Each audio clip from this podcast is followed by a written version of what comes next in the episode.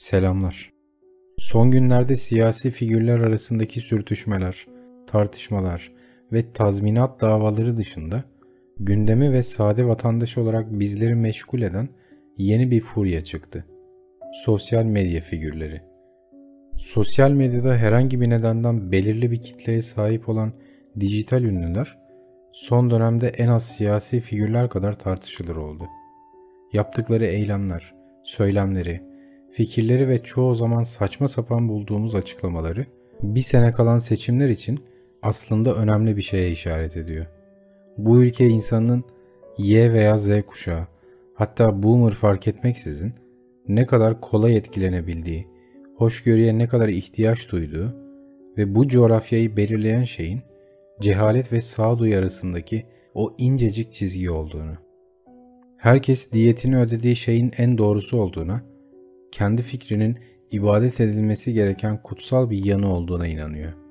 Ama kimse ortak aklın ne olduğunu, gerçek doğrunun ne anlam ifade ettiğini tartışmıyor.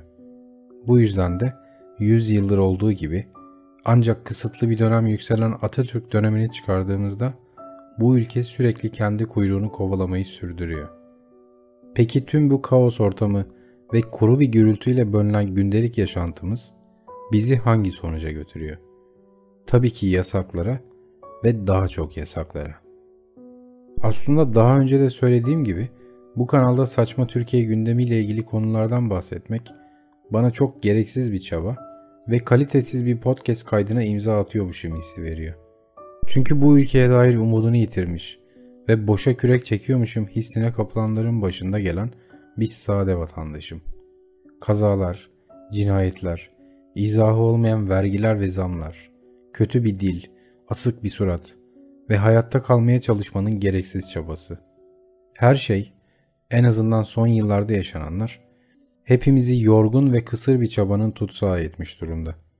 İyileşmenin iksiri, hayatta kalmanın mücadelesi, başarmanın hazzı ve hatta kendin olabilmenin mutluluğu.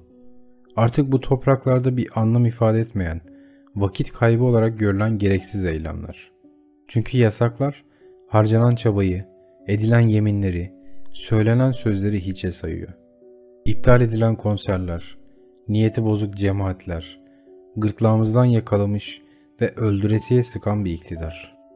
Her şey korkunç bir senaryonun karanlıkta bile belli olan keskin ve yoğun renkleri gibi.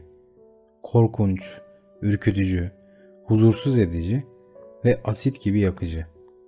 Ama asıl üzücü ve tehlikeli olan ne biliyor musunuz? Artık çözüm üretmeyi normalleştirmemiz. Demek yasaklandı. O zaman şöyle bir yol bulalım. Demek o da yasak. O zaman şöyle bir çözüm buldum. Yani problemi ortadan kaldırmak yerine soruna yeni çözümler üretiyor ve sorunun daha da kök salmasını ve güçlenmesini sağlıyoruz. Üstelik zamanla bu durumu normalleştirmeye başlıyoruz. Bir çözüm ürettikçe yasa koyucular güçlenmeye ve yeni yasaklar üretmeye devam ediyor. Ne kadar acı. Son günlerde bahsini ettiğimiz yasaklar furyasına bir süredir pandemi artığı gözüyle bakılan canlı müzik kısıtlamasının devamı niteliğinde görülebilecek bir yasak eklendi. Belediye iştirakleriyle yapılan konserler. Muhalif olduğu düşünülen ya da bir takım çevrelerce öyle öngörülen bazı sanatçıların konserleri ahlak kuralları bahane gösterilerek iptal edildi. Bu ve birkaç kısıtlayıcı yasak konuşulurken kamuoyunda sosyal medya yasası olarak bilinen yasa meclise sunuldu ve çok sürmeden meclisten de geçecek. Bu teklifin yasalaşmasıyla birlikte teklifte bahsi geçen suçları işleyen şahıslar 1 ila 3 yıl arasında hapis sistemiyle yargılanacak. Yani siyasal iktidar meşru bir şekilde diyor ki Ey halkım, ey gençler, ey bir türlü ortak noktada buluşmayı beceremediğimiz Z kuşağı. Velev ki bizimle aynı çizgide olmayan bir fikre sahip oldunuz. Bilesiniz ki yargının ve yürütmenin tüm kısıtlayıcı imkanlarını size karşı kullanacağız. Halbuki iktidar tam tersini yapsaydı, çıkıp deseydi ki, evet bunca yıldan sonra bunca olan şeye rağmen, sevgili gençler, aramızdaki kuşak farkı nedeniyle bir takım eksikliklerimiz, yanlışlarımız olabilir. Hayata ve modern dünyaya sizin baktığınız pencerelerden bakamıyor Değişen global dünyayı sizin kadar zekice ve pratik okuyamıyoruz. Fakat ülkenin ilerlemesi, muasır medeniyetler seviyesine çıkmamız için de bir ortak akıl gerekiyor. Biz sizi anlamıyoruz, siz bizi. Ortada bir sorun olduğu aşikar. Madem bir sorun var, sizlerin büyüğü ve elinde müthiş bir güç olan bizler gereken tüm olanakları seferber ediyoruz. Denilseydi eğer, bugün hangi Türk genci iktidarın bu ılımlı yaklaşımına, bu çağ ötesi modern bakış açısına tezat bir tavır sergileyecekti? Evet biliyorum, mevcut koşullar ve siyasi iktidardan böyle bir adım beklemek çok ütopik. Ama bugün geldiğimiz hangi noktanın, yaşadığımız hangi olayın elle tutulur bir yanı var ki? Zaten benim de bu podcast'te derdim siyasal anlamda ütopik bir dünya yaratmak değil.